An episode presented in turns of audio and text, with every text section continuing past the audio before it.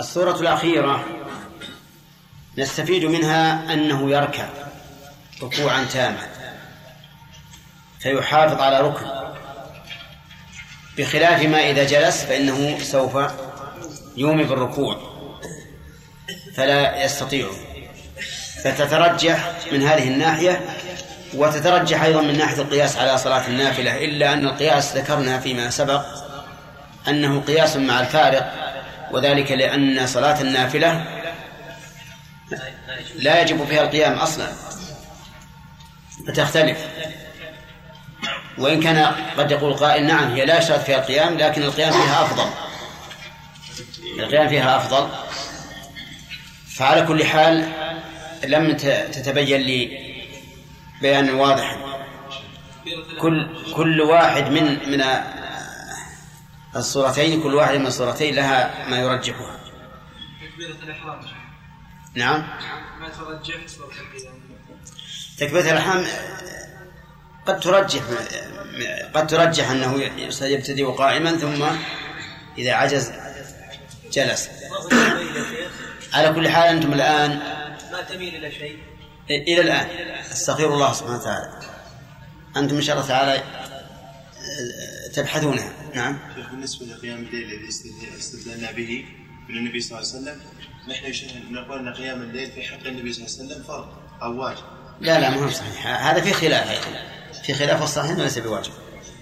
ما يعرف من عبارة المصنف قدر أو عجز في أثناء في أثناءها انتقل إلى الآخر. يعني يقوم إذا عجز انتقل إلى الثلث إيه لكن بس لكن في الأول ليس بعاجز. يعني أنت تقول إذا أنه يبتدئ قائما. لأنه قادر. فإذا عجز ينتقل إلى الجلوس ما هي واضحة إلى إلى هذا الوضوح؟ ولا هذه ربما أنا تشير إلى ما قلت. نقول هو الآن قادر على القيام فيلزمه أن يقوم. فإذا عجز انتقل إلى القوم والحديث يا شيخ عمران بن يصلي قائما كأن لم تستطع ما ترجح القيام نعم. على كل حال إن شاء الله المسألة قيد بحث. كل واحد منها له المرجح. وعسى أن تكونوا فرقتين فرقة ترجح هذا وفرقة ترجح هذا وكل واحد منكم يجيب دليل وتعديل. نعم. طيب. قال المؤلف رحمه الله تعالى ولم ولمريض الصلاة مستلقيا. مع القدرة على القيام لمداواة بقول طبيب مسلم ولمريض الصلاة. اللام هنا للإباحة. واعلم أن العلماء قد يعبرون عن الشيء بصورة المباح دفعا دفعا للمنع. لا بيان للحكم. يعني له أي لا يمتنع عليه. وحينئذ لا ينافي أن يكون ذلك أمرا مطلوبا أو أمرا واجبا. لا ينافي أن يكون أمرا مطلوبا أو أمرا واجبا. مرة ثانية قد يعبرون بما يدل على الإباحة وهم يريدون إيش؟ دفع المنع. لا يريدون دفع المنع يعني أن ذلك لا يمتنع. وحينئذ لا ينافي أن يكون هذا الشيء مطلوبا. مطلوبا إما على سبيل الوجوب أو على سبيل الاستحباب. ولهذا أمثلة كثيرة تمر علينا. منها قولهم في في كتاب الحج ولمن أحرم مفردا أن يجعل إحرامه عمرة ليكون متمتعا. يعني له أن يفسخ نية الحج إلى العمرة ليكون متمتعا. فمن هذه رجل راح مكة في أيام الحج وأحرم وأحرم بالحج مفردا. نقول لك أن تفسخ النية إلى عمرة من أجل أن تكون متمتعا. فتأتي بالعمرة ثم تحل منها وإذا كان يوم الثامن من الحجة تحرم بالحج. المهم أنهم عبروا بالله وله ومرادهم بذلك دفع قول من يقول إن هذا لا يجوز. لأن بعض العلماء رحمهم الله يقول لا يجوز لمن أحرم بالحج أن يحوله إلى عمرة ولو للتمتع. عرفتم؟ ومع هذا فالذين عبروا بقولهم له يريدون أنه مستحب. يريدون أنه مستحب. بل بعضهم يرى أنه واجب. أن من أحرم بحج وليس معه هدي فإنه يجب أن يحوله إلى عمرة ليصير متمتعا. طيب هنا نقول ولمريض الصلاة اللام للإباحة. فهل المراد أن المريض يباح له أن يصلي مستلقيا إذا قال له طبيب مسلم إن صلاتك على غير هذا الوجه يضر بك؟ أو نقول إن هذا نفي للمنع يعني لا يمتنع وحينئذ فيكون هذا المريض مأمورا بأن يصلي مستلقيا إما على سبيل الوجوب أو على سبيل الاستحباب. المراد الأول والثاني؟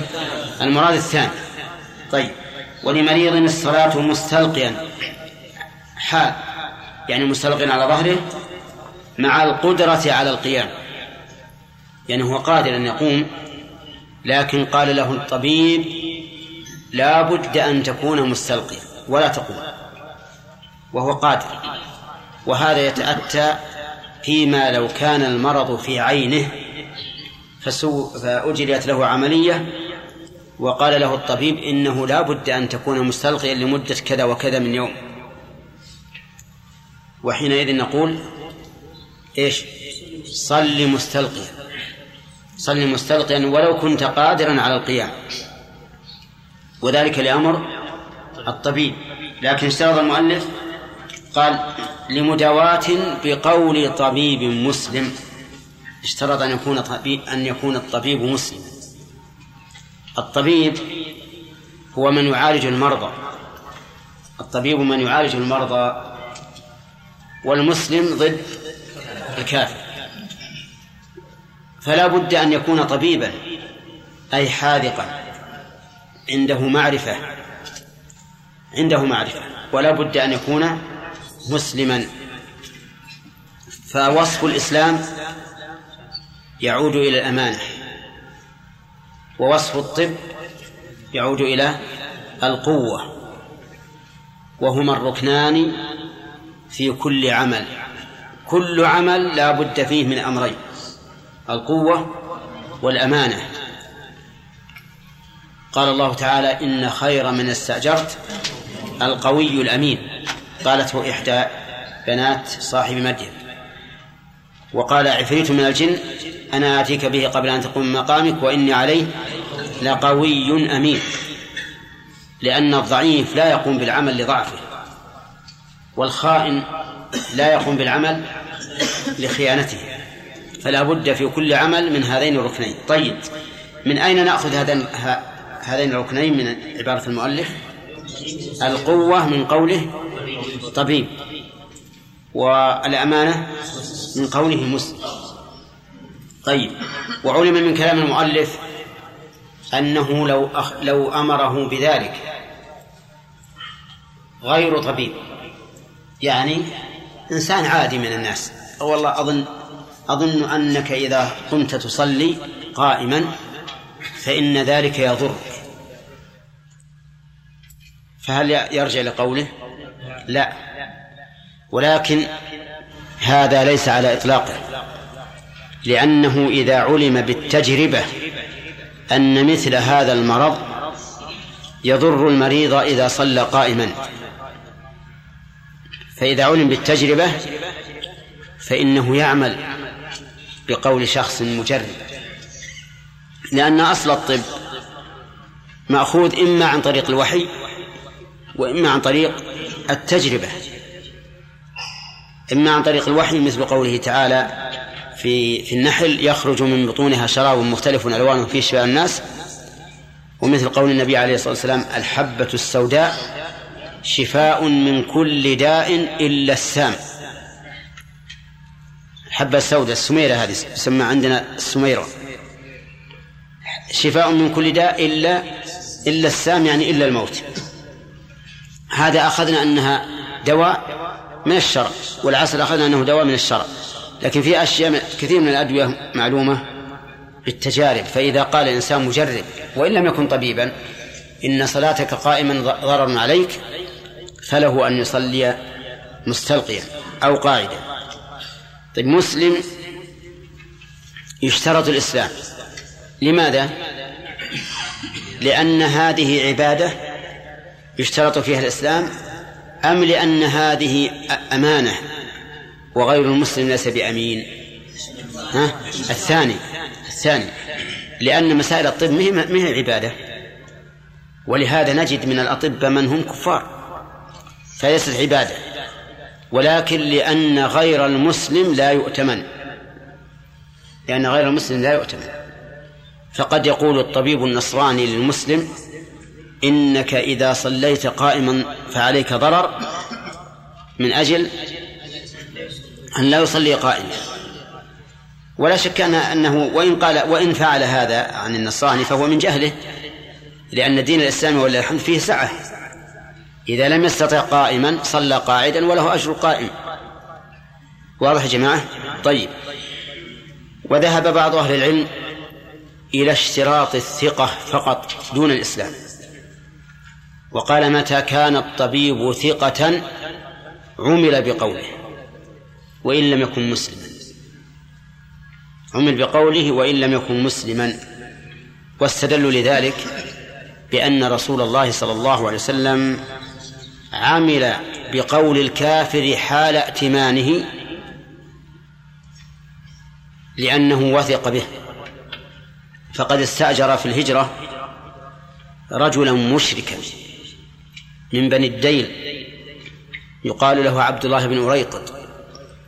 استأجره ليدله على الطريق من مكة إلى المدينة. مع أن الحال خطرة جدا أن يعتمد فيها على كافر.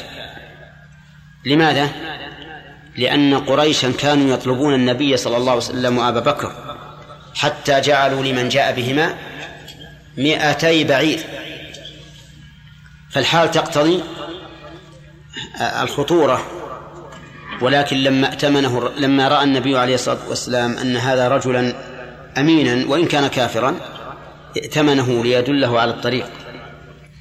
فأخذ العلماء القائلون بأن المدار في هذه المسألة على الثقة أخذوا من ذلك أنه يقبل قول الطبيب الكافر إذا كان ثقة.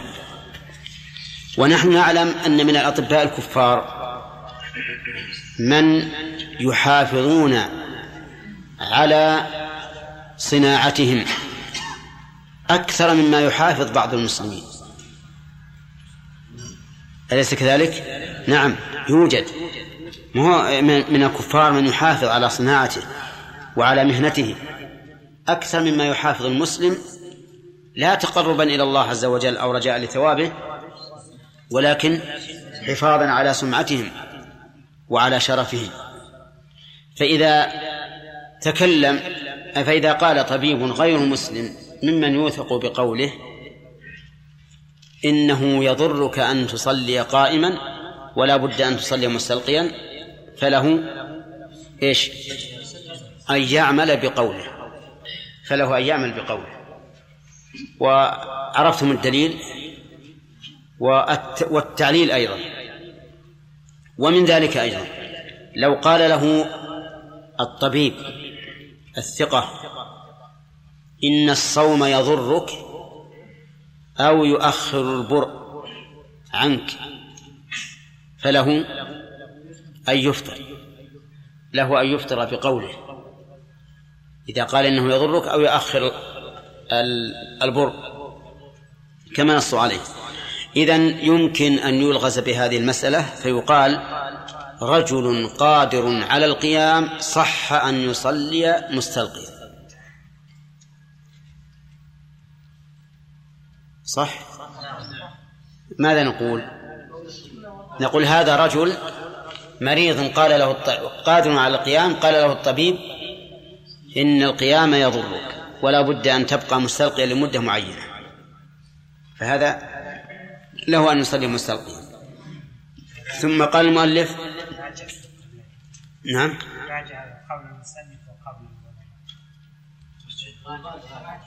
راجع. اي أحسن. الراجح هو قول القول الثاني في المسألة. الراجح القول الثاني في المسألة وأن المدار كله على الثقة. قال ولا تصح صلاته قاعدا. نعم.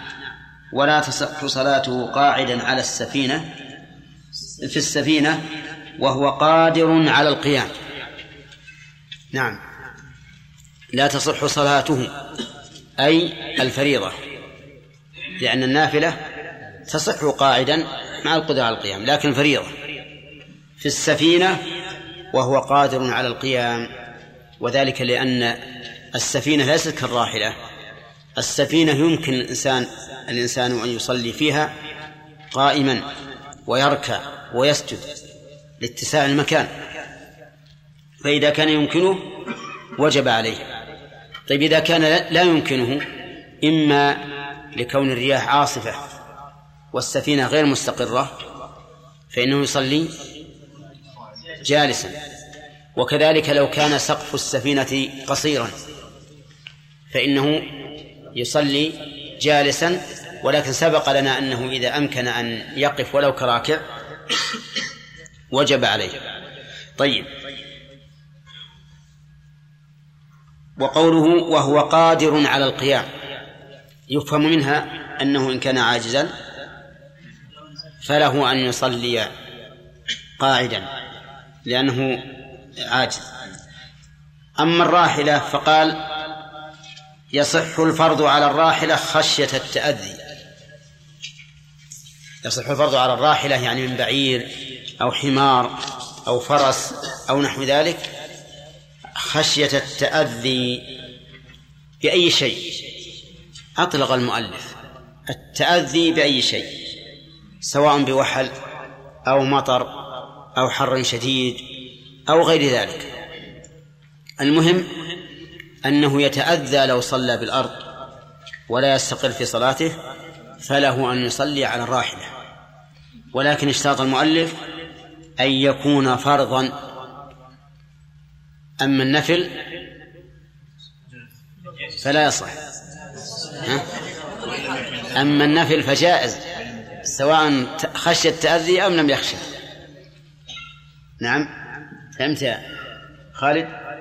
آه النفل جائز على الراحلة سواء خشي التأذي أم لا.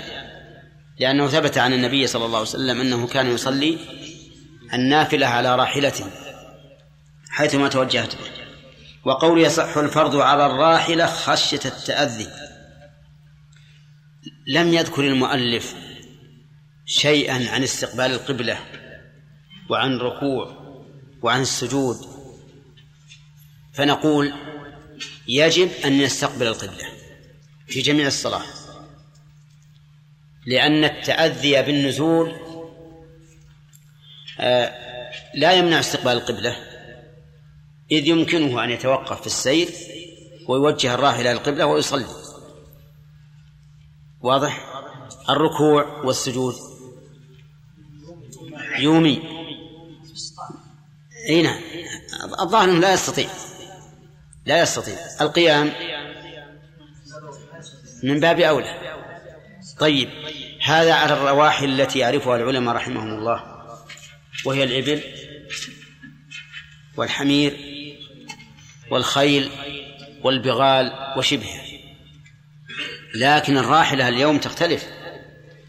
الراحلة اليوم سيارات وبعض السيارات كالسفن. يستطيع الإنسان أن يصلي فيها قائما راكعا ساجدا متجها إلى القبلة. فهل نقول إنه لا يصلي على هذه الرواحل إلا بشرط التأذي بالنزول؟ أو نقول إذا أمكنه أن يأتي بالواجب فله أن يصلي؟ الأول ولا الثاني الثاني نقول لو كان سيارة كبيرة تبيس كبيرة وفيها مكان واسع للصلاة والإنسان يستطيع أن يصلي قائما راكعا ساجدا مستقبل القبلة فلا حرج عليه أن يصلي. لا حرج عليه أن يصلي. طيب هذا في السيارات واضح لأنها كالسفينة تماما. في الطائرات ماذا يصنع؟ نقول صلي بالأرض ولا بد. نعم. ليش ما يصير ها؟ ما يمكن؟ ما يمكن. على الأرض؟ على الأرض الأرض الأرض اللي الثرى. يبي ينزل بالباراشوت ما يمكن. إلا إذا إلا إذا وصلت إلى المطار. وحينئذ نقول إذا كان يمكن أن تصل الطائرة إلى المطار قبل خروج الوقت فإنه ينتظر. حتى يقع هابطا في الأرض. فإن كان لا يمكن أن تصل إلى المطار قبل خروج الوقت نظرت إن كانت هذه الصلاة مما تجمع إلى ما بعدها كالظهر مع العصر أو المغرب مع العشاء انتظر أيضا حتى يهبط على الأرض فيصليها جمع تأخير. وإذا كان لا يمكن صلى على الطائرة. ولكن إذا قدرنا أن الطائرة فيها مكان متسع اتسع الإنسان يصلي قائما راكعا ساجدا مستقبل القبلة فهل يجوز أن يصلي الصلاة قبل أن يهبط إلى المطار؟ ها؟ يجوز. نعم. لا ما خشي فوت الوقت. معه ساعة لا أنتم تصورت الموضوع؟ طائرة فيها متسع. يصلي فيها الإنسان قائما راكعا ساجدا متوجها إلى القبلة. يجوز. يجوز. وظن بعض الناس أن ذلك لا يجوز.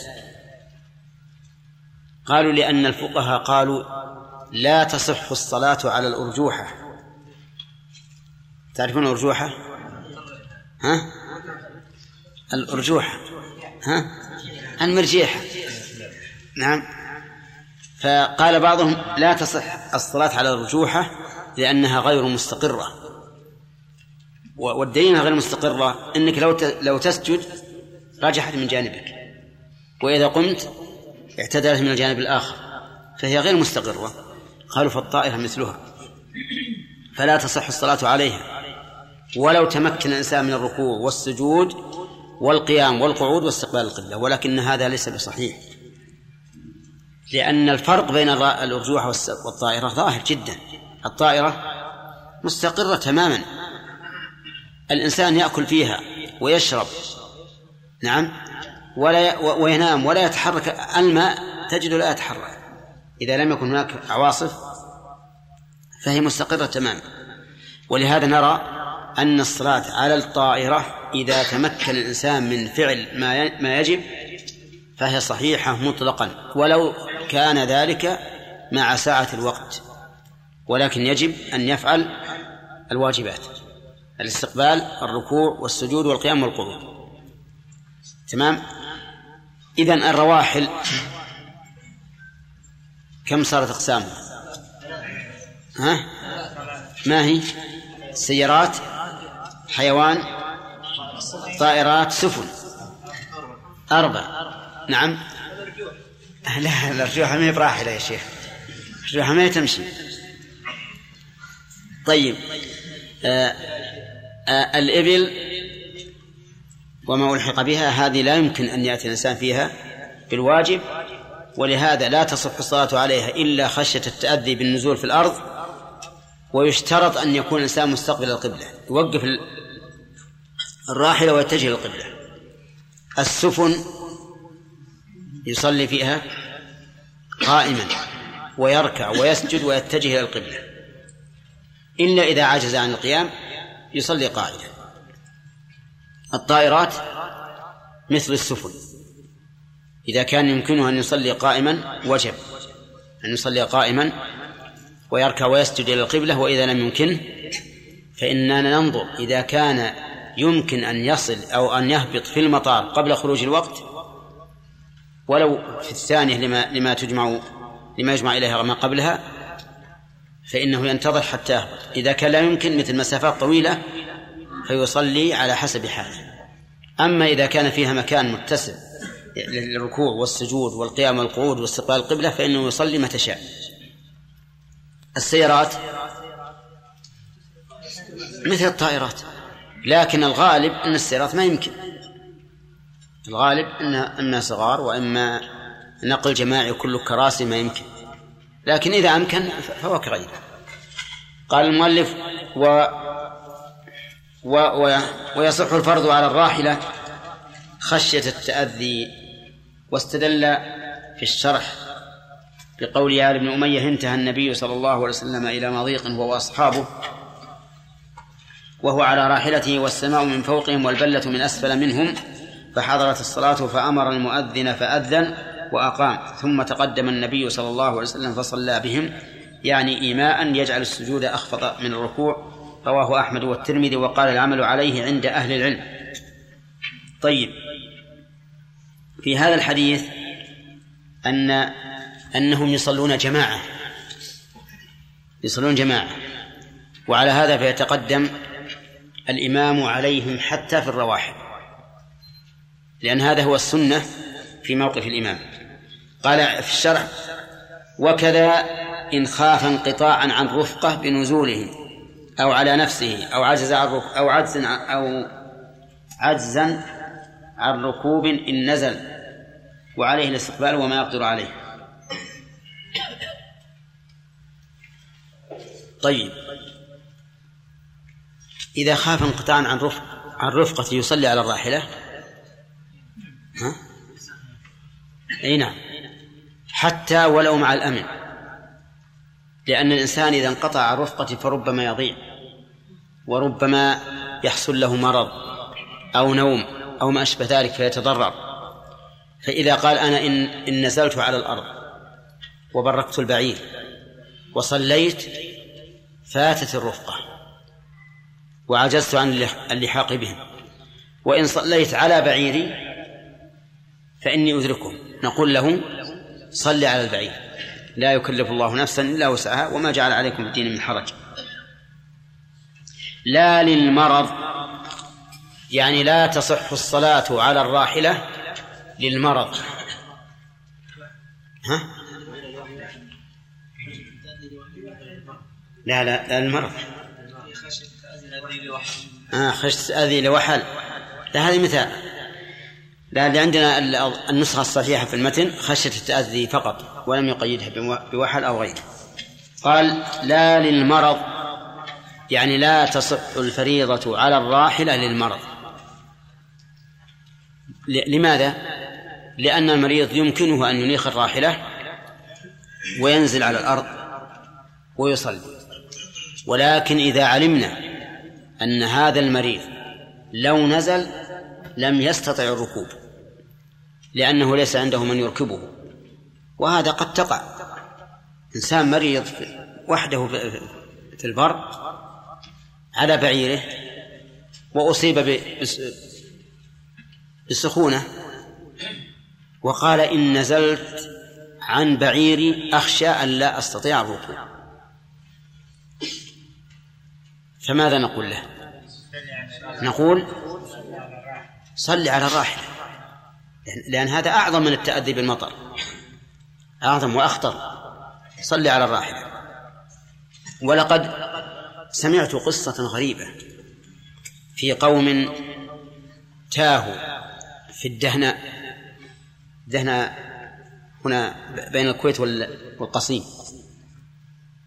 وكانت هذه مفازة. مفازة. مهلكة ما فيها ماء ولا غيره.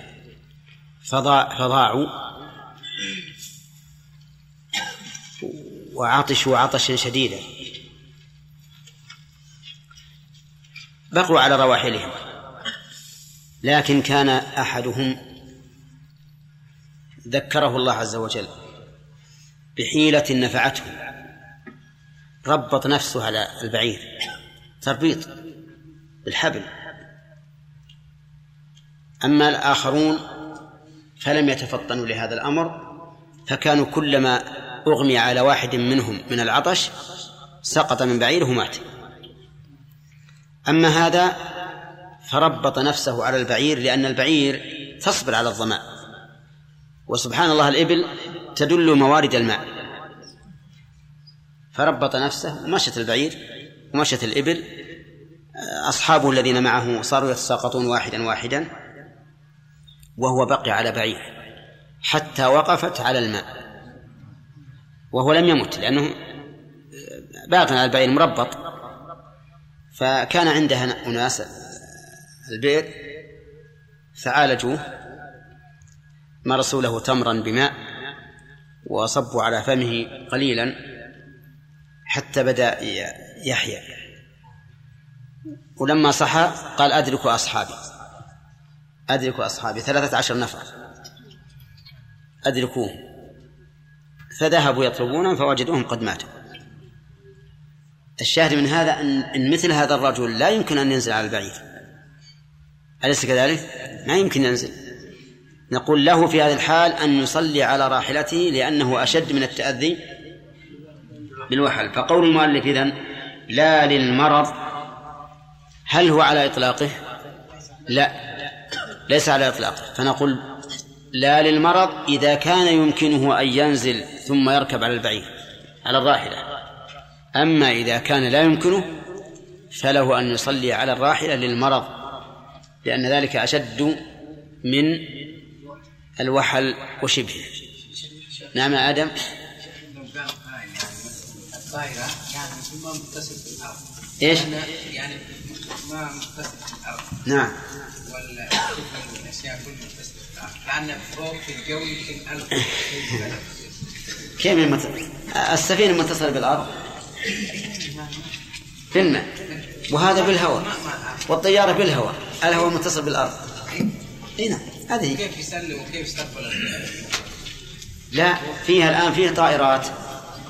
عندنا في الخطوط السعودية طائرات عشر طائرات فيها في فيها بوصلة في سقف الطائرة تتجه دائما إلى مكة حتى لو انحرفت السيارة يمين أو يسار انحرفت البوصلة نعم إيش؟ لو اتجهت الطائرة إيش؟ السيارة وش فيها؟ لا لا أنا أقول لو اتجهت الطائرة فهمت يا آدم؟ لا أنا قصدي ما متصل بالأرض الطائرة أصلا لأنه هو ما يمشي بالجو طيب و- والسفينة متصلة بالأرض السفينة الماء متصل أنا ما متصل بالأرض طيب. والهواء في الطائرة متصل فوق, أكثر من فوق الأرض إيه. لكن متصل بالأرض نعم بالنسبة للطائره تكون بين الكراسي ممرات فإذا صلى بين الممرات يعيق المرض هل أفضل يصلي بينها أو يصلي وهو على الكراسي كم مرات بين الكراسي لا هو مو دائما ال- ال- الناس يمرون بالممرات. مو دائما يعني؟ لكن وش يستفيد من إذا صلى في الممرات. يستطيع أن يسجد. يستطيع أن يسجد؟ يركع على كل حال لو كان يستطيع أن يسجد فإنه اتجاهه للقبلة. يمكن في الكرسي يتجه أكثر. نعم. شيخ الدليل على أن الأصل في صلاة القاعدة التربع أو الأولى. الرسول كان يصلي متربعا صح عنه ذلك. إنكار عبد الله بن عبد الله بن عمر على أبيه. نعم. ورآه يصلي متربعا كما عند البخاري. فما لي اراكم الصلاة. إي هذا ما هو في, في- صلاته جالسا. كان يتربع بين السجدتين وبين وبين وفي التشهد. فقال له ان إن رجلي إن رجلي رجلي لا تقلان نعم. نصر. نصر. ها؟ إيش؟ القطار القطار القطاري نعم مثل السفينة. هل راجعتها ولا لا؟ رجعتها عقليا.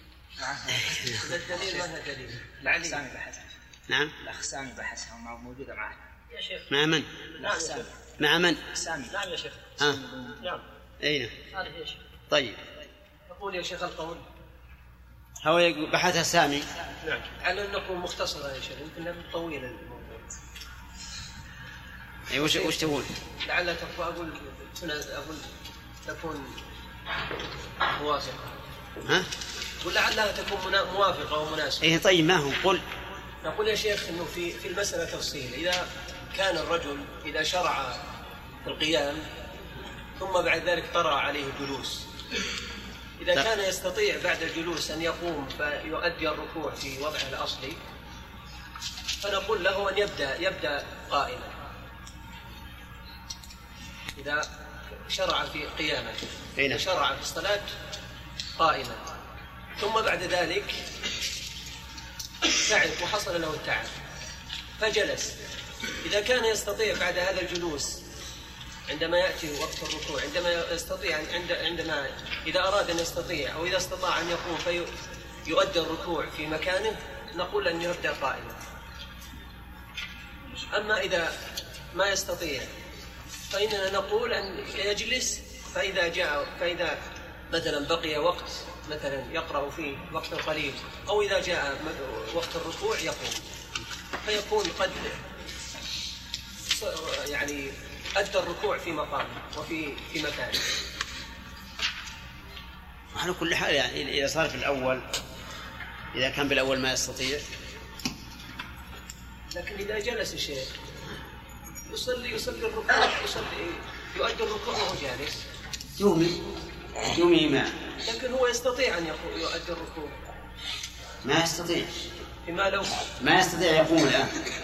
لأنه تعب ولا يستطيع. يقوم لكن إذا جل بدأ شيء قائما يخل بعدة أركان. إذا بدأ قائما إذا بدأ هذا ما يخل قائما ثم جلس. ما يخل إلا بالركوع فقط. فقط. وذاك بالأول وبشيء من القيام. وذاك بالأول يبي يخل بتكبيرة الإحرام. يكبرها وهو جالس يخل بقراءة الفاتحة أو بعضها يقرأها وهو جالس. النتيجة وش عليه؟ أن نقول هذا الإنسان الآن هو قادر على أن يقوم. والركن هو القيام فرض مع القدرة. الآن أنت قادر. قم قم. فإذا طرأ عليه ما يعجزه يجلس. هذه وجهة النظر. هي المسألة ما يعارضها إلا مسألة القياس على النفي أن الرسول عليه الصلاة والسلام كان يقرأ أولا جالسا ثم يقوم عند الركوع وأنت عندك سامي نعم يا شيخ وش اللي عندك؟ آه، الشوكاني رحمه الله تكلم في نيل الاوطار يا شيخ على ما قلتم الحين الحين الحين ما ذكرتم الحين على قيام النبي صلى الله عليه وسلم كان يصلي جالسا. عندما يبقى مقدار 30 آية يقوم هنا. وجمع بينهم وحقق المسألة وقال يجوز قال إيش؟ وقال يجوز الفعل أنه يجلس ويقوم أو كان قائم يجلس. يا طيب. حرج آه، اقرأ عليه.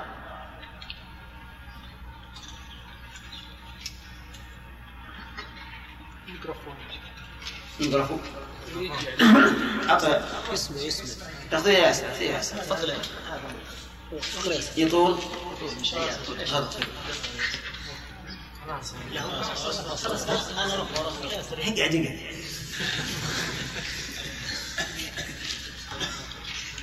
بس لو خطه يقرا عشان أحسن. يلا اعطي الميكروفون. نعطي لسامي لا لا خل ما يصير. أعطيه يا أخي إن شاء الله واضح. كيف أنا تمكتب بالعربي أنا؟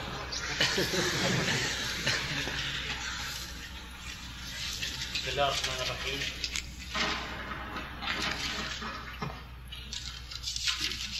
بسم الله الرحمن الرحيم. حتى غلب بسم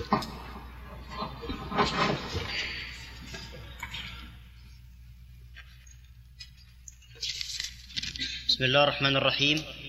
يقول صاحب الإقناع آه والله خط واضح. مو واضح خط أعطي اياها اعطيه إياه، يمشي. يلا لا. تكتب هذا هو؟ هذا تبعوه طيب واضح خط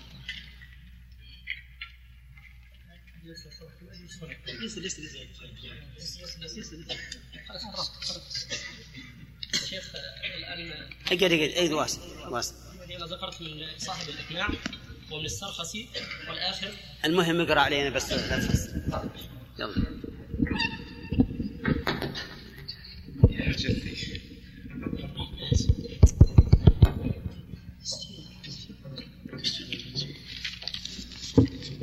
بسم الله الرحمن الرحيم. بحث في الصلاة. يقول صاحب الإقناع الشربيني الخطيب ومن عجز عن القيام صلى جالسا. للحديث السابق حديث عمران. والإجماع على على أي صفة شاء لإطلاق الحديث المذكور ولا ينقص ثوابه عن ثواب المصلي قائما لأنه معذور. قال الرافعي لا نعني بالعجز عدم الإمكان فقط بل في معناه خوف الهلاك أو الغرق وزيادة المرض أو خوف مشقة شديدة أو دوران رأس في حق راكب سفينة تتمة لو قدر أثناء الصلاة لو قدر أثناء صلاته على القيام أو القعود أو عجز عنه أتى بالمقدور له وبنى على قراءته ويندب إعادتها في الأوليين ليقع حال الكمال فإن قدر على القيام أو القعود قبل القراءة قرأ قائما أو قاعدا ولا تجزئه قراءته في نهوضه لقدرته عليها فيما هو أكمل منه. فلو قرأ فيه شيئا أعاده وتجب في هوي العاجز لأنه أكمل مما بعده. ولو قدر على القيام بعد القراءة تجزئ هذا تجزئ وتجزئ في هوي العاجز. نعم وتجب تجزئ. لأن نعم. وتجزئ في هوي العاجز لأنه أكمل مما بعده. ولو قدر على القيام بعد القراءة وجب قيام بلا طمأنينة ليركع منه لقدرته عليه وإنما لم تجب الطمأنينة لأنه غير مقصود لنفسه وإن قدر عليه في الركوع قبل الطمأنينة ارتفع لها إلى حد الركوع عن قيام فإن انتصب ثم ركع بطلت صلاته لما فيه من زيادة ركوع أو بعد الطمأنينة فقد تم ركوعه ولا يلزمه الانتقال إلى حد الراكعين. ولو قدر في الاعتدال قبل الطمأنينة قام واطمأن وكذا بعده. انتهى. يقول السرخسي في المبسوط طيب آه، هذا الآن ما, ما أتى بزائد. كيف يا شيخ؟ لأن هذا يغني عنه قول المتن. نعم. ومن قدر أو عجز في أثنائها انتقل إلى الآخر. هذا هو معنى كلامه. نعم. طيب. يقول السرخسي في المبسوط باب صلاة المريض. فنقول للمريض إذا كان قادرا على القيام يصلي قائما فإذا عجز عن القيام يصلي قاعدا بركوع وسجود. وإذا كان عاجزا عن القعود يصلي بالإيماء لأنه وسع مثله. فإن كان قادرا على القيام فأول الصلاة لأنه وسع مثله. نعم. لأنه وسع نعم يا شيخ.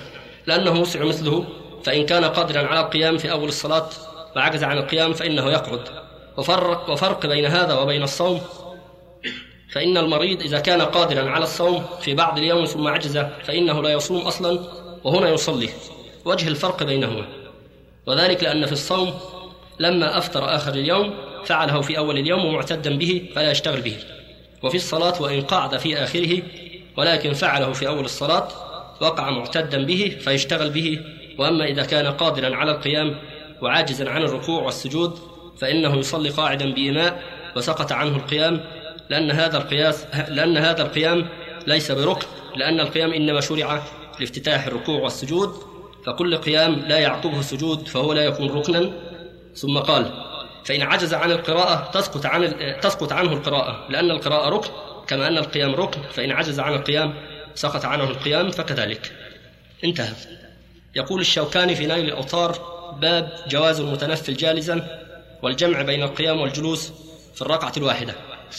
عن عائشة رضي الله تعالى عنها عن النبي صلى الله عليه وآله وسلم كان يصلي ليلا طويلا قائما وليلا طويلا قاعدا. اللهم صل وسلم وكان إذا قرأ وهو قائم ركع وسجد وهو قائم وإذا قرأ قاعدا ركع وسجد وهو قاعد. رواه الجماعة إلا البخاري. وعن عائشة أنها لم ترى النبي صلى الله عليه وآله وسلم يصلي صلاة الليل قاعدا قط حتى أسن وكان يقرأ حتى إذا أراد أن يركع قام فقرأ نحو من ثلاثين أو أربعين آية ثم ركع رواه الجماعة وزادوا إلا ابن ماجة ثم يفعل في الركعة الثانية كذلك. الحديث الأول يدل على أن المشروع لمن قرأ قائما أن يركع ويسجد من قيام ومن قرأ قاعدا أن يركع ويسجد من قعود. والحديث الثاني يدل على جواز الركوع من قيام لمن قرأ قاعدا. وأجمع بين الحديثين يحمل قولها. وكان إذا قرأ وهو قائم وإذا قرأ قاعدا في الحديث الأول. على أن المراد جميع القراءة بمعنى أنه لا يفرغ من القراءة قاعدا فيقوم للركوع والسجود ولا يفرغ منها قائما فيقعد للركوع والسجود. فأما إذا افتتح الصلاة قائما ثم قرأ بعد القراءة جاز له أن يقعد لتمامها ويركع ويسجد من قعود. وكذا إذا افتتحت إذا افتتح الصلاة قاعدا ثم قرأ بعد القراءة جاز له أن يقوم لتمامها ويركع ويسجد من قيام كما في الحديث الثاني ويشكل على هذا الجمع ما يثبت في بعض طرق الحديث الأول عند مسلم من حديث عائشة رضي الله تعالى عنها بلفظ فإذا افتتح الصلاة قائما ركعة قائما وإذا افتتح الصلاة قاعدا ركعة قاعدا. قال العراقي فيحمل على أنه كان يفعل مرة كذا ومرة كذا فكان يفتتح قاعدا ويتم قراءته قاعدا ويركع قاعدا وكان مرة يفتتح قاعدا ويقرأ بعد قراءته قاعدا وبعضها قائما ويركع قائما فإن لفظ كان لا يقتضي المداومة. وقد جاء في رواية علقمة عن عائشة عند مسلم ما يقتضي أنه يصليهما بعد الوتر وهو جالس. وقد جاء التصريح به عند مسلم في حديث آخر من رواية ابن سلمة عنها وفيه ثم يوتر ثم يصلي ركعتين وهو جالس فإذا أراد أن يركع قام فركعة والحديثان يدلان على جواز صلاة التطوع من قعود. والحديث الثاني يدل على أنه يجوز فعل بعض الصلاة من قعود وبعضها من قيام وبعض الركعة من قعود وبعضها من قيام. قال العراقي وهو كذلك. سواء سواء قام ثم قعد أو قعد ثم قام. وهو قول جمهور العلماء مالك وأبي حنيفة والشافعي وأحمد وإسحاق. وحكاه النووي عن عامة العلماء وحكى بعض السلف. منعه قال وهو غلط. وحكى القاضي عياض عن أبي يوسف ومحمد آخرين. كراهة القعود بعد القيام. ومنع أشهب من المالكية الجلوس بعد أن ينوي القيام. وجوزه ابن القاسم والجمهور. والله أعلم وصلى الله وسلم وبارك على سيدنا محمد. أحسنت. جزاك الله خير. رحمه الله يا شيخ. هذه ليست مسألتنا نعم يا شيخ. هذه ليست مسألتنا لأن الأخيرة في النافلة. الأخيرة في النفل. الكلام الأخير في النفل.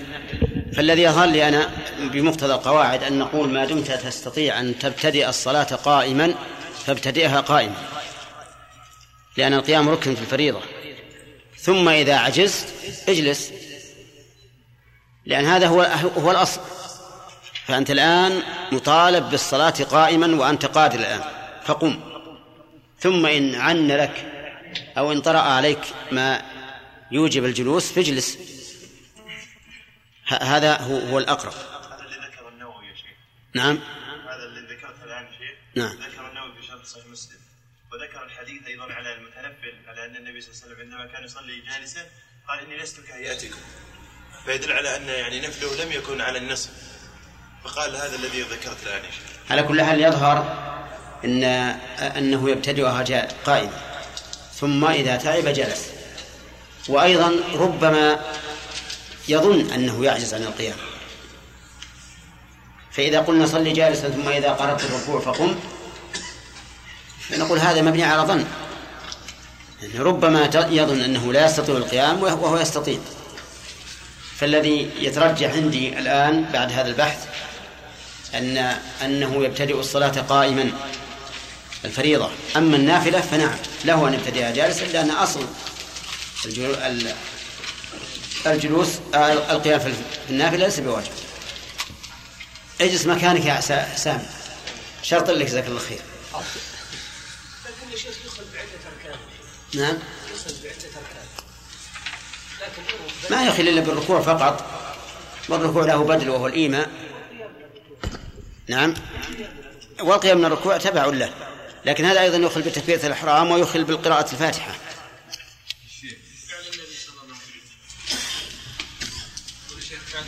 فعل النبي هذا في النافلة. إلا بدليل.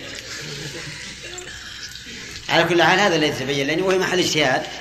فالذي يتبين لي هو هذا. نعم. ما تكتبون فيه يا شيخ؟ حديث يعني؟ لا ما نكتب لو كنا كل ما رأينا مسألة فقهية كتبنا التحذير مشكلة. مسألة الحمد لله. لا الأمر فيها واسع. نعم سم. في تسميع؟ راجع. ها؟ راجع. محمد وعلى آله وأصحابه أجمعين. هل يجوز للمسلم أن يصلي قاعدا وهو قادر على القيام بقول الطبيب؟ لا خالد. يلا. يجوز كيف؟ أنت فاهم السؤال؟ هل يجوز للمسلم أن يصلي قاعدا وهو قادر على القيام بقول الطبيب؟ على المذهب على اللي تبي مسلما ثقة. نعم. ورجحنا أن يكون الطبيب ثقة ولو كان كافرا. نعم. أحسنت. اشتراط الإسلام في الطبيب آه، على أي أساس مبني؟ على الدفء على الأمانة. الأمانة. لأن غير المسلم لا يؤتمن. طيب. يشترط أن يكون طبيبا. محمد. فإن كان متعلما هل يؤخذ بقوله؟ لماذا؟ لأنه عندما اشترط الطب هذا دلالة على القوة في العمل. إيه لماذا لا نأخذ بقول المتعلم؟ أنه ظن أنه يخطئ أكثر مما يصيب إذا لأنه لا يوثق بقوله. حينئذ نعرف أن المدار على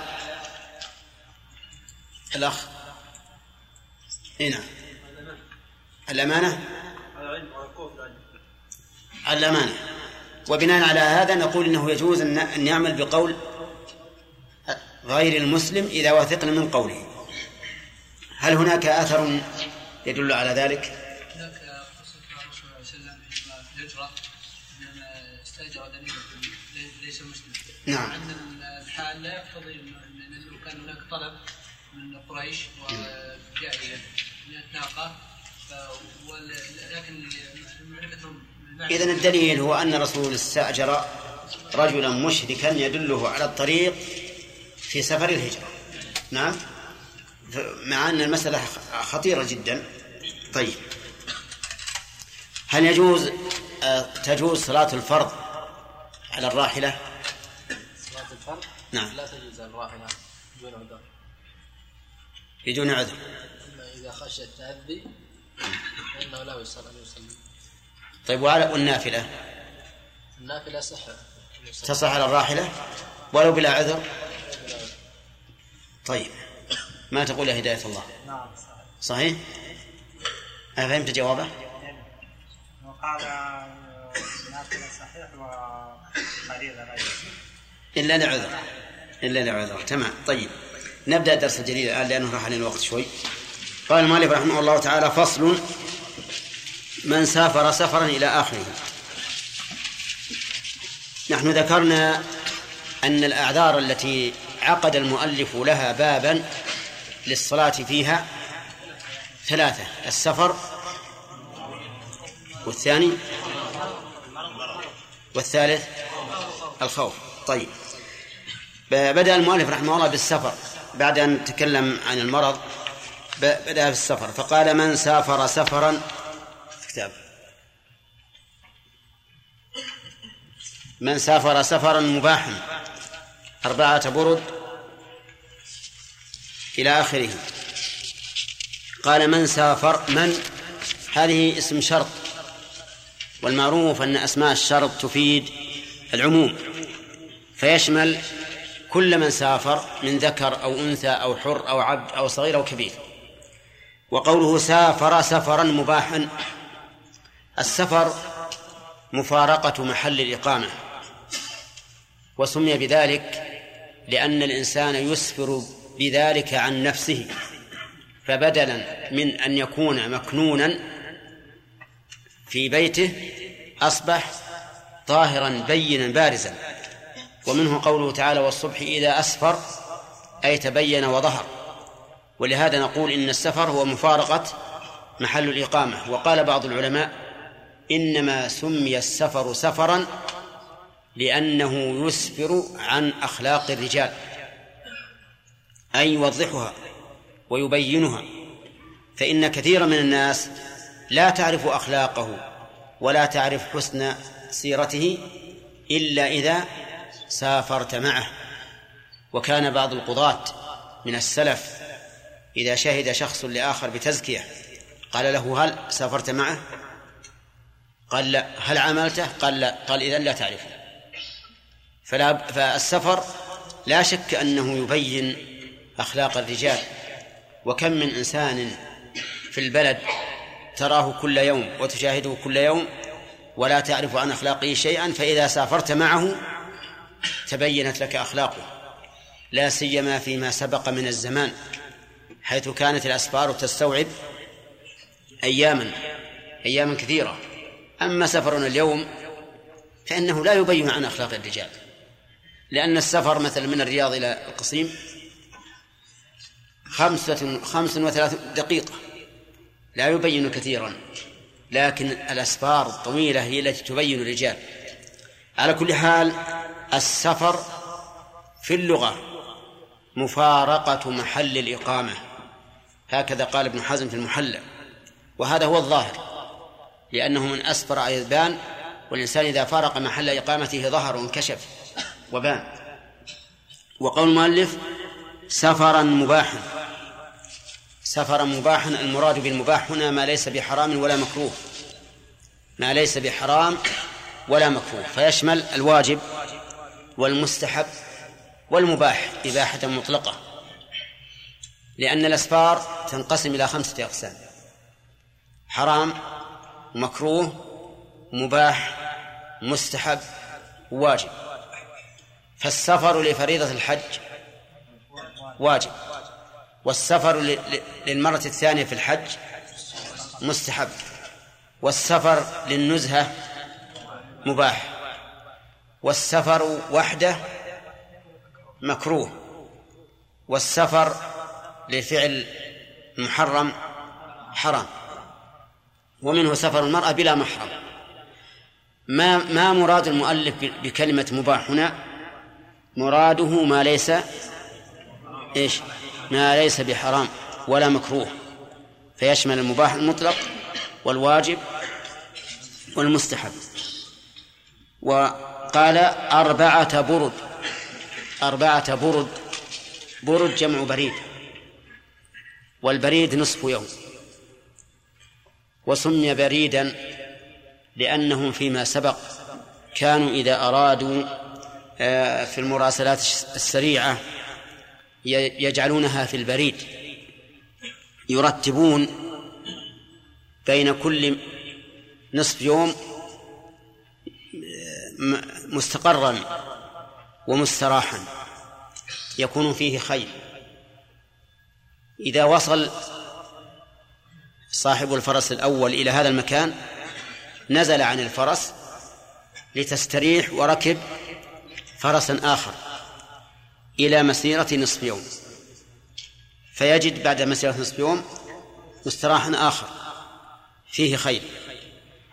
ينزل عن الفرس التي كان راكبها ثم ها يركب آخر. وهكذا لأن هذا أسرع. وفي الرجوع بالعكس. طيب فالبريد عندهم مسيرة نصف يوم. فتكون أربعة الغرد يومين. طيب البريد قدروه بالمساحة الأرضية. أربعة فراسخ. البريد أربعة فراسخ. فتكون أربعة الغرد ستة عشر فرسخا. والفرس قد الفرسخ قدروه بثلاثة أميال. الفرسخ بثلاثة أميال. فتكون كم؟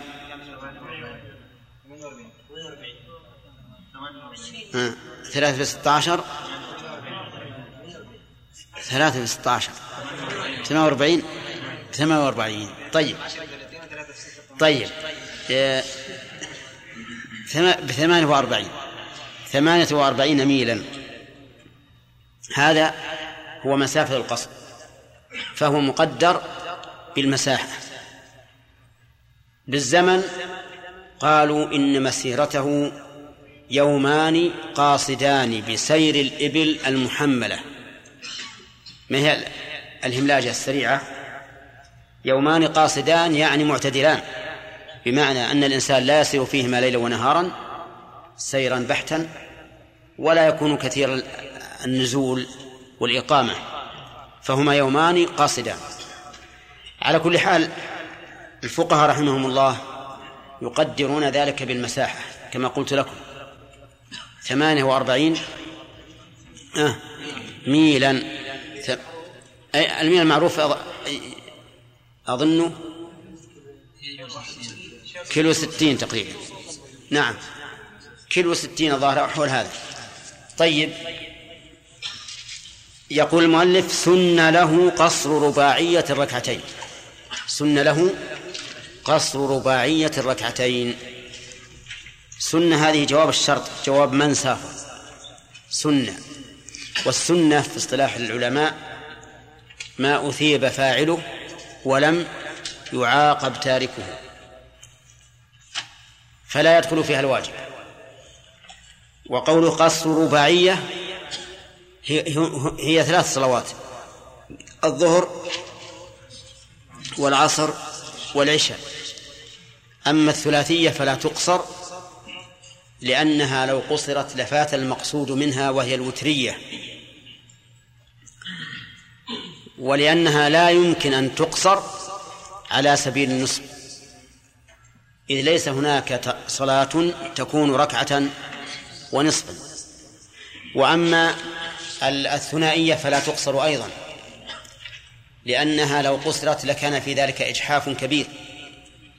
إذ تبقى ركعة واحدة. ثم لو قصرت لكانت وترا. ففات المقصود.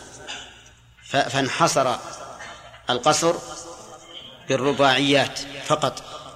وهذا التعليل الذي قلته إنما هو بيان لوجه الحكمة وإلا فالأصل هو اتباع النص اتباع النص لأن ركعات الصلاة من الأمور التي لا تعقل أي لا تبلغها العقول. ولكننا نقول هذا من باب ذكر المناسبة لماذا لم يشرع؟ القصر إلا في الرباعيات. طيب أفادنا المؤلف بقوله رحمه الله من سافر أنه لا يمكن قصر بدون سفر. لا يمكن قصر بدون سفر. حتى لو كان الإنسان في أشد المرض فإنه لا يقصر لا يقصر. عرفتم؟ لأنه ليس هناك سبب للقصر سوى السفر. المرض الشغل تعب لا يمكن أن يكون سبب سببا للقصر. نعم. ولهذا لو أن أحدكم زار مريضا وسأله عن حاله وصلاته وهو في بلده فقال الحمد لله على كل حال لي خمسة عشر يوم ما أصلي إلا ركعتين من شدة المرض. ماذا تقول له؟ أقول أعد صلاتك. لماذا؟ لأنه لا سبب للقصر سوى السفر. أما لو كان يعالج في بلد أخرى غير بلده وقال مثل هذا الكلام فهل يكون تكون صلاته صحيحة؟ نعم لأنه مسافر. طيب زار أحدكم مريضا فسأله عن حاله وعن صلاته قال الحمد لله على كل حال لي خمسة عشر يوما أجمع بين الظهر والعصر والمغرب والعشاء. صحيح؟ ليش؟ لأن الجمع يجوز للمرض. فالجمع يجوز للمشقة. أينما وجدت المشقة في سفر أو حضر جاز الجمع بخلاف القصر. زار أحدكم مريضا ثالثا فقال له كيف أنت وكيف حالك كيف صلاتك؟ قال الحمد لله على كل حال. لست أصلي الصلوات الخمس إلا جميعا عند النوم لأن ذلك يتعبني. ماذا نقول له؟ ها؟ لا نقول توب فقط. كيف يعيد صلاته الآن؟ لو أعاد صلاته ما استفاد. لأنه يصلي الصلاة كاملة لكنه يؤخر الظهر والعصر عن عن وقتهما أليس كذلك؟ وإذا كان يصلي العشاء أيضا بعد نصف الليل فكان صل ترك الصلوات كلها أخرجها عن وقتها. نعم. الفجر لا أنا قص يقول قبل النوم. الفجر دخلها معه. صلي الفجر والظهر والعصر والمغرب والعشاء إذا أراد أن ينام لأن لأنه مريض. نقول هذا خطأ. ولا يحل لك أن تؤخر الصلاة عن وقتها. صل الصلاة على وقتها. على أي حال كانت. واضح؟ طيب. أفادنا المؤلف من سافر أنه لا سبب يبيح القصر سوى السفر. طيب. وقول المؤلف سفرا مباحا. سفرا مباحا. خرج به المحرم والمكروه. وعلى هذا فلو سافر الإنسان سفرا محرما لم يبح له القصد لماذا؟ لأن المسافر سفر معصية. لا ينبغي له أن يترخص. إذ أن الرخصة تسهيل وتيسير على المكلف. والمسافر سفرا محرما لا يستحق أن يسهل عليه ويرخص له. فلهذا منع من رخص السفر منع من القصر منع من مسح الخفين ثلاثة أيام. منع من الفطر في رمضان ولكن العلاج سهل. ماذا نقول له؟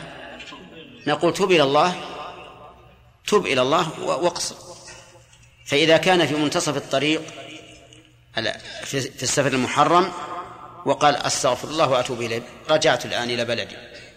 في رجوعه هنا يقصر أو لا؟ ليش؟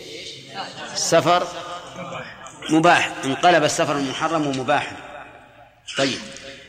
وذهب الإمام أبو حنيفة وشيخ الإسلام ابن تيمية وجماعة كثيرة من العلماء إلى أنه لا يشترط لا تشترط الإباحة لجواز القصر وأن الإنسان يجوز أن يقصر حتى في السفر المحرم. وقالوا إن هذا ليس برخصة بل إن صلاة الركعتين في السفر ليست تحويلا من الأربع إلى الركعتين بل هي من الأصل ركعتان. والرخصة هو التحويل من العزيم من العزيمة أو من الأثقل إلى الأخف. أما صلاة المسافر فهي مفروضة من أول الأمر ركعتين. وعلى هذا فيجوز للمسافر سفرا محرما أن يصلي ركعتين. ولا يشترط على هذا الرأي لا تشترط إباحة السفر. وهذا القول كما ترون قول قوي لأن تعليله ظاهر. فالقصر منوط بالسفر. على أن على أن الركعتين هما إيش؟ هما الفرض فيه. لا على أن الصلاة حولت من أربع إلى ركعتين. كما ثبت ذلك في صحيح البخاري وغيره عن عائشة رضي الله عنها قالت أول ما فرضت الصلاة ركعتين ثم سافر رسول الله صلى الله عليه وسلم فزيد في صلاة الحضر وأقرت صلاة السفر على ركعتين. وحينئذ يتبين أن الركعتين في السفر إيش؟ عزيمة لا رخصة عزيمة لا رخصة وعليه فلا فرق. بين السفر المحرم والسفر المباح. وقول المؤلف ما نكمل؟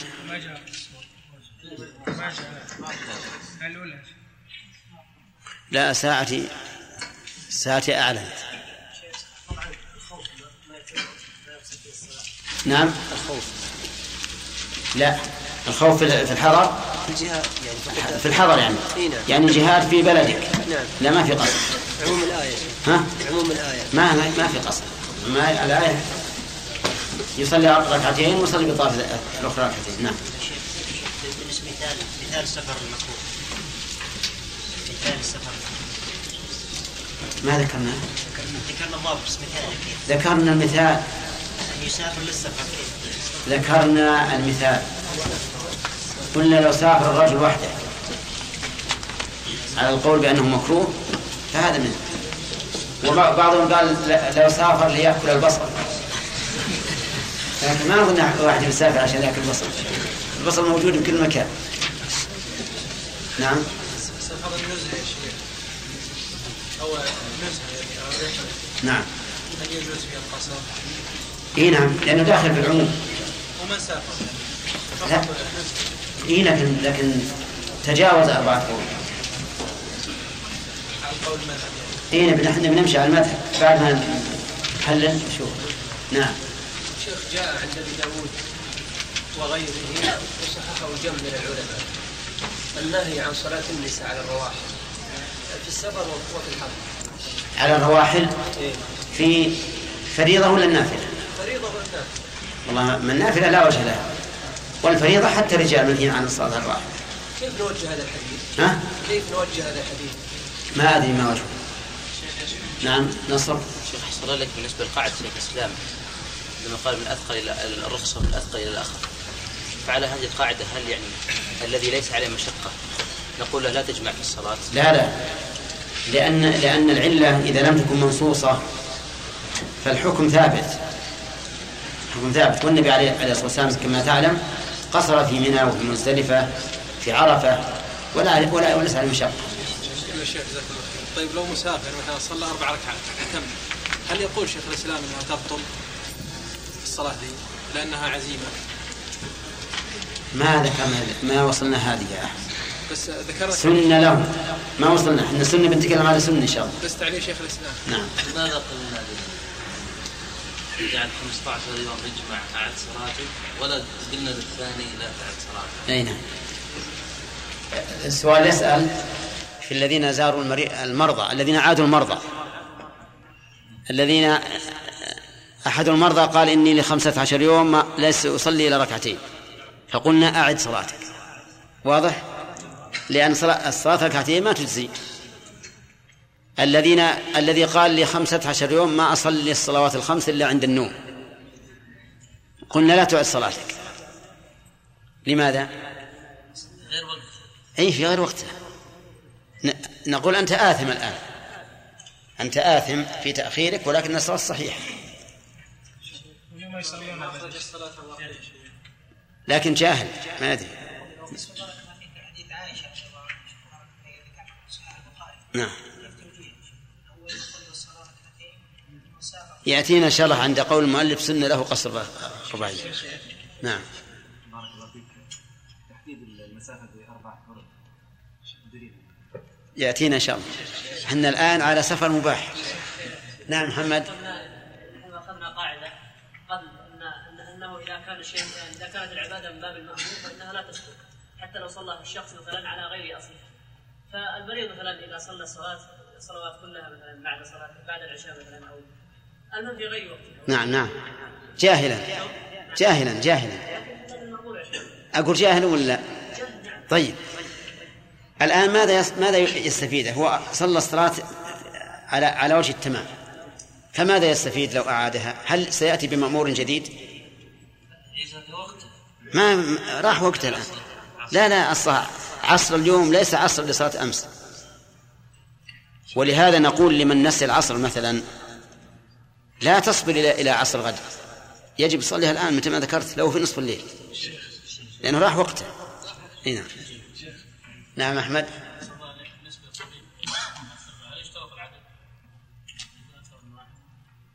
لا ما هو شرط طبيب الواحد يكفي. نعم. على راي المؤلف يا شيخ سافر وحده ما يقصر إي نعم. نعم. ولكن لاحظوا مسألة. هو ما ذكرنا الخلاف تو. ذكرنا اللي يسافر سفر محرم فيه خلاف. وذكرنا اختيار شيخ الإسلام و... ومذهب حنيفة. طيب السفر وحده بال... بالنسبة للوقت الحاضر لا يعتبر وحده في الطريق المأهول. يعني مثلا طريق ما بين القصيم والرياض. لو سافر الإنسان في السيارة وحده ما نقول هذا السفر وحده. عرفت؟ لماذا؟ لأن الخط معمور كأنما يمشي في شارع البلد. هو راكب وحده ولكنه ليس مسافر ليس مسافرا وحده. الخط ماشي. أما الخطوط التي التي ليس فيها أحد فهذه يكون الإنسان مسافرا وحده. وعلى أن المسألة خلافية والبخاري رحمه الله في صحيحه يميل إلى أنه لا يكره السفر وحده. ويشير إلى ضعف الحديث. الراكب شيطان والراكبان شيطانان والثلاثة ركب. حمد. في باب؟ نعم. من سافر لا يفطر نعم. نعم. الصلاة سافر محرم إي نعم. حتى في السفر ال- ال- في في في سفر في السفر في رمضان لو سافر سفرا محرما فعند من يقول إنه يقصر يجوز أن يفطر. ففرق بين من سافر ليسقط الواجب فالذي سافر ليسقط الواجب نقول لا يمكن لأن التحيل على إسقاط الواجب لا يسقطه. ولهذا لو أنه سافر لأجل أن يقصر قلنا لا تقصر. هنا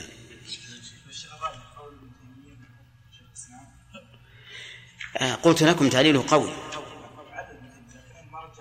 أول تعليله قوي ومعنى قوي إذا قويت العلة قوي القول هنا نعم. إذا كان المريض مبنج يا شيخ بالبنج ما فاق إلا بعد العشاء. يفيق يعني قبل المغرب لكن ما وعي كليا. يعني يوعى أحد يكلمه لكن ما يستطيع يصلي. كيف يصلي الصلاة؟ يصليها جميعا إذا صح. كيف قلنا يجمع الأربع وهذا قلنا لا تصلي. من؟ يجمع أربع صلوات؟ جميع اللي هم المبنج لا هذا قلنا يصلي. ال- ال- اللي غاب بالبنج؟ نعم. يصلي الأربع جميعا والذي صلى جاهل. يجمعهم جميعا أي قلنا لا خلاص صلى. معذور بالجهل شيخ قلنا لا يصلي. إيه ما يعيده إي نعم. يصليهن يصليهن صلاهن الآن. نعم. قلنا لا تعيده لأنه صلاهن. صاحب البنج ما صلاهن. أجمعين. سن له قصر رباعية من؟ من سافر؟ تجي بجواب الشرط بدون فعل فعل الشرط الله بخل عظيم هذا. قال المصنف رحمه الله تعالى فصل. من سافر سفرا مباحا أربعة برد سن له قصر رباعية ركعتين. إذا فارق عامر قريته أو خيام قومه وإن أحرم ثم سافر أو في سفر ثم أقام أو ذكر صلاة حضر في سفر أو عكسها أو أتم بمقيم أو ائتم. أو تم بمقيم أو بمن يشك فيه أو أحرم بصلاة يلزمه إتمامها فسدت وأعادها أو لم أو لم ينوي القصر عند إحرامها أو شك في نيته أو نوى إقامة أكثر من أربعة أيام أو أو من لاح معه أهله لا ينوي الإقامة ببلد لزمه أن يتم. وإن كان له بس بس طريقان بس بس. بسم الله الرحمن الرحيم. الحمد لله رب العالمين والصلاة والسلام على نبينا محمد وعلى آله وأصحابه ومن تبعهم بإحسان إلى يوم الدين. ما هو السفر؟ السفر يا أخ خالد أظن. أي نعم. ها؟ ما هو السفر قبل؟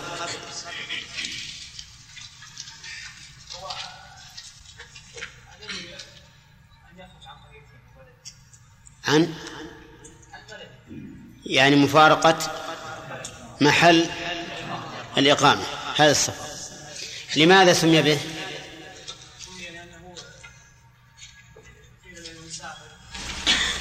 يسفر عن قريته طبعا بلده فيظهر ويتبين نعم. ومنه قوله تعالى والصبح إذا أسفر. ها؟ ومنه سفور المرأة أي ظهورها وبروزها. طيب. يلا بندر قوله سفرا مباح. ما المراد بالمباح هنا؟ ألا يكون سفر معصية. أن لا يكون سفر معصية؟ يعني فيدخل فيه المك- المكروه؟ غير غير المحرم. محرم ألا يكون محرما ولا مكروها المراد به ما ليس محرما ولا مكروها. فيشمل. يشمل الواجب والمستحب. نعم الواجب والمستحب والمباح. والمباح. إباحة مطلقة. طيب مثال الواجب هداية الله. سفر الواجب. السفر إلى الحج. نعم.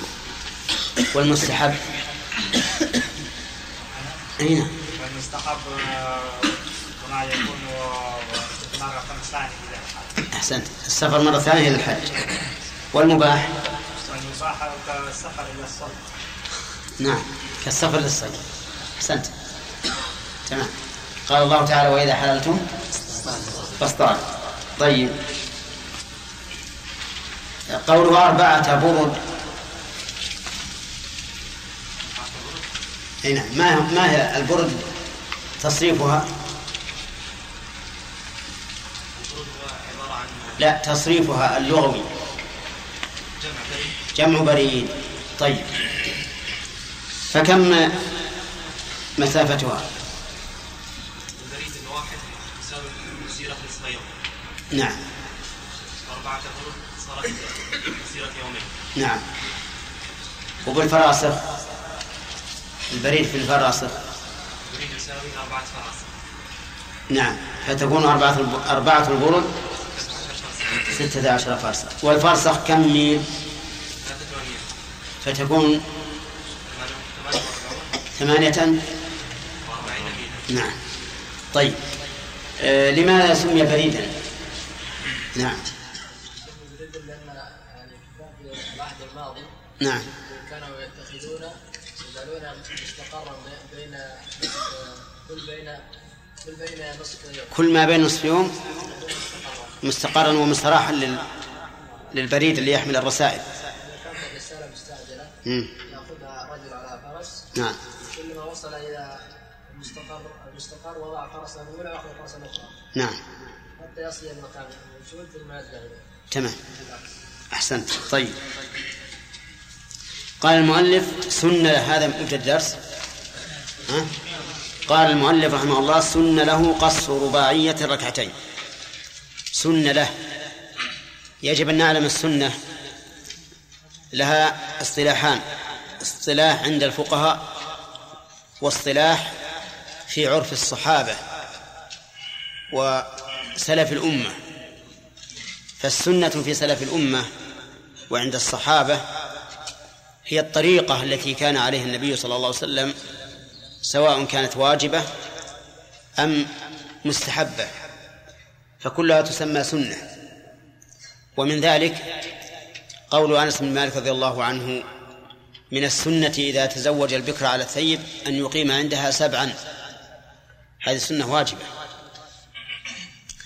وقول ابن عباس رضي الله عنهما حين سئل عن الرجل يصلي مع الإمام المقيم أربعا وإذا صلى وحده وهو مسافر صلى ركعتين. قال تلك هي السنة هي السنة الواجبة.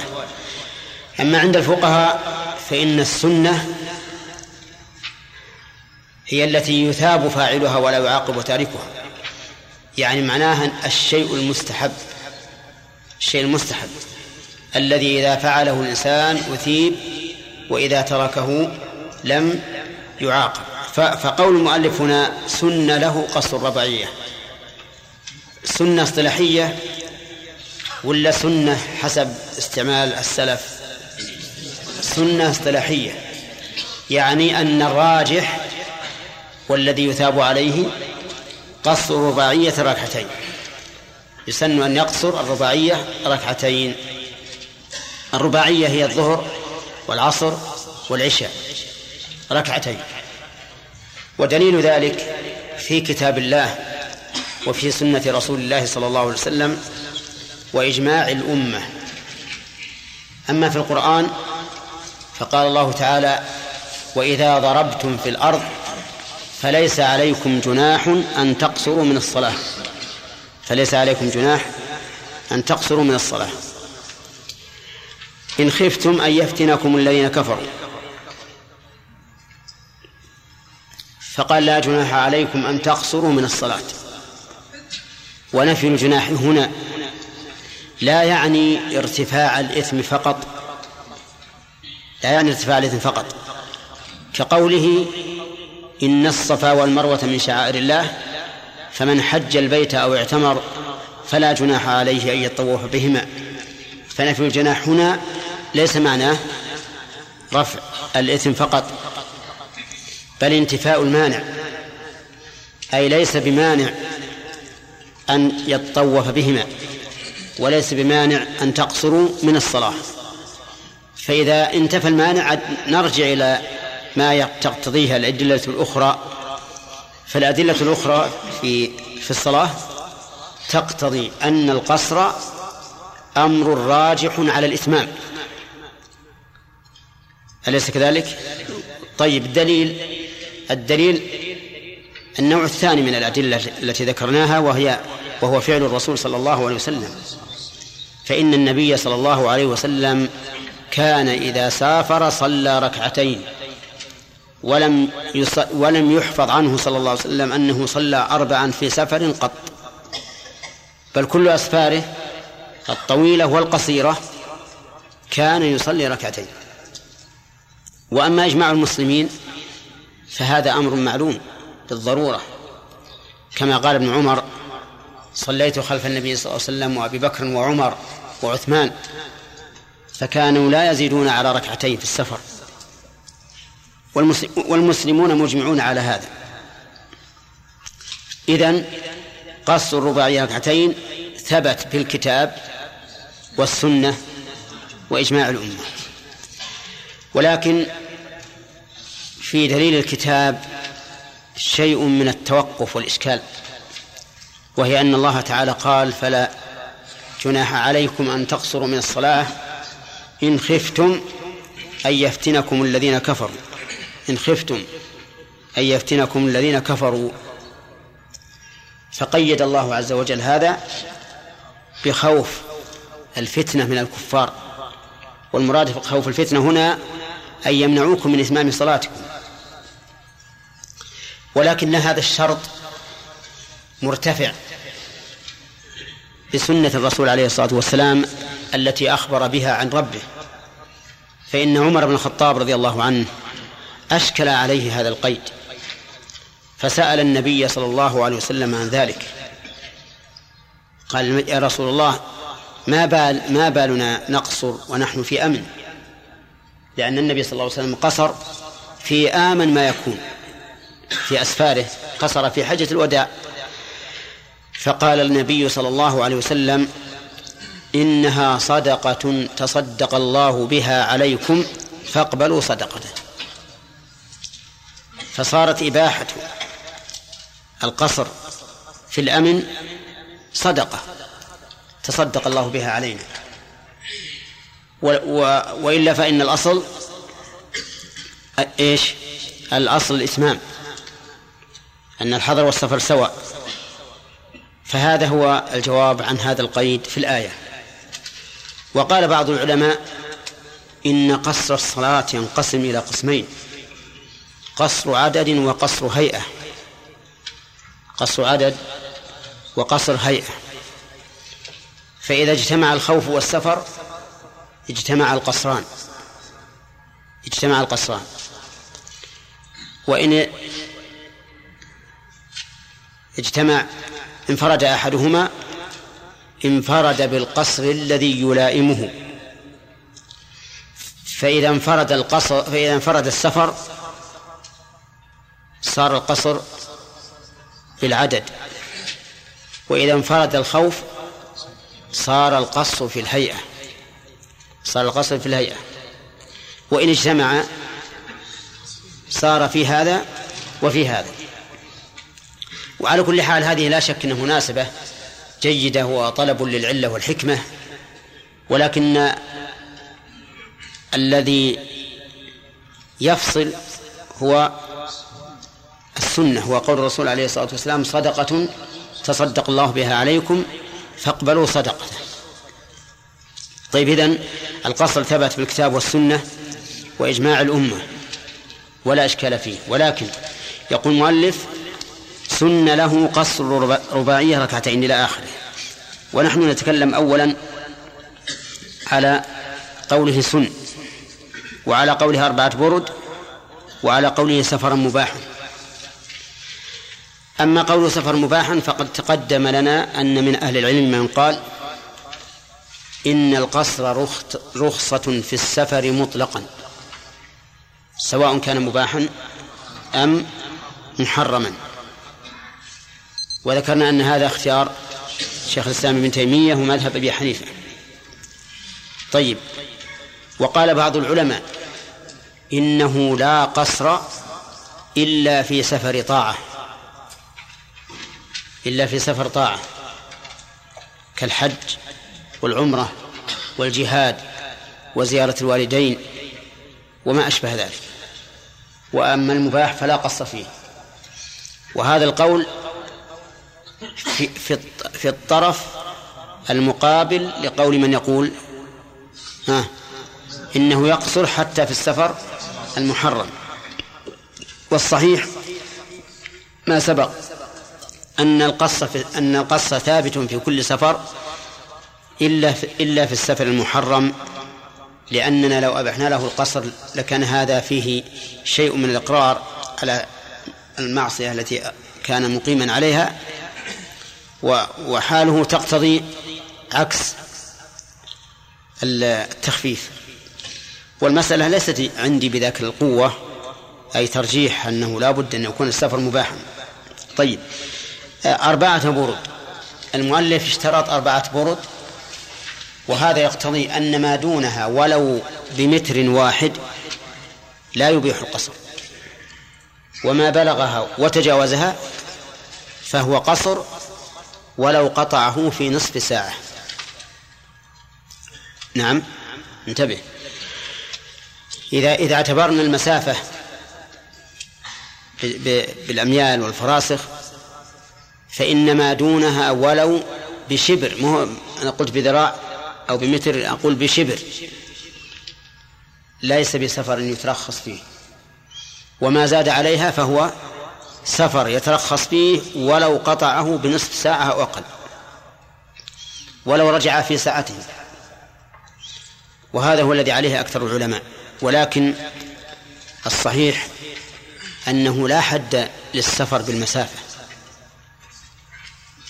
لأن التحديد كما قال صاحب المغني يحتاج إلى توقيف.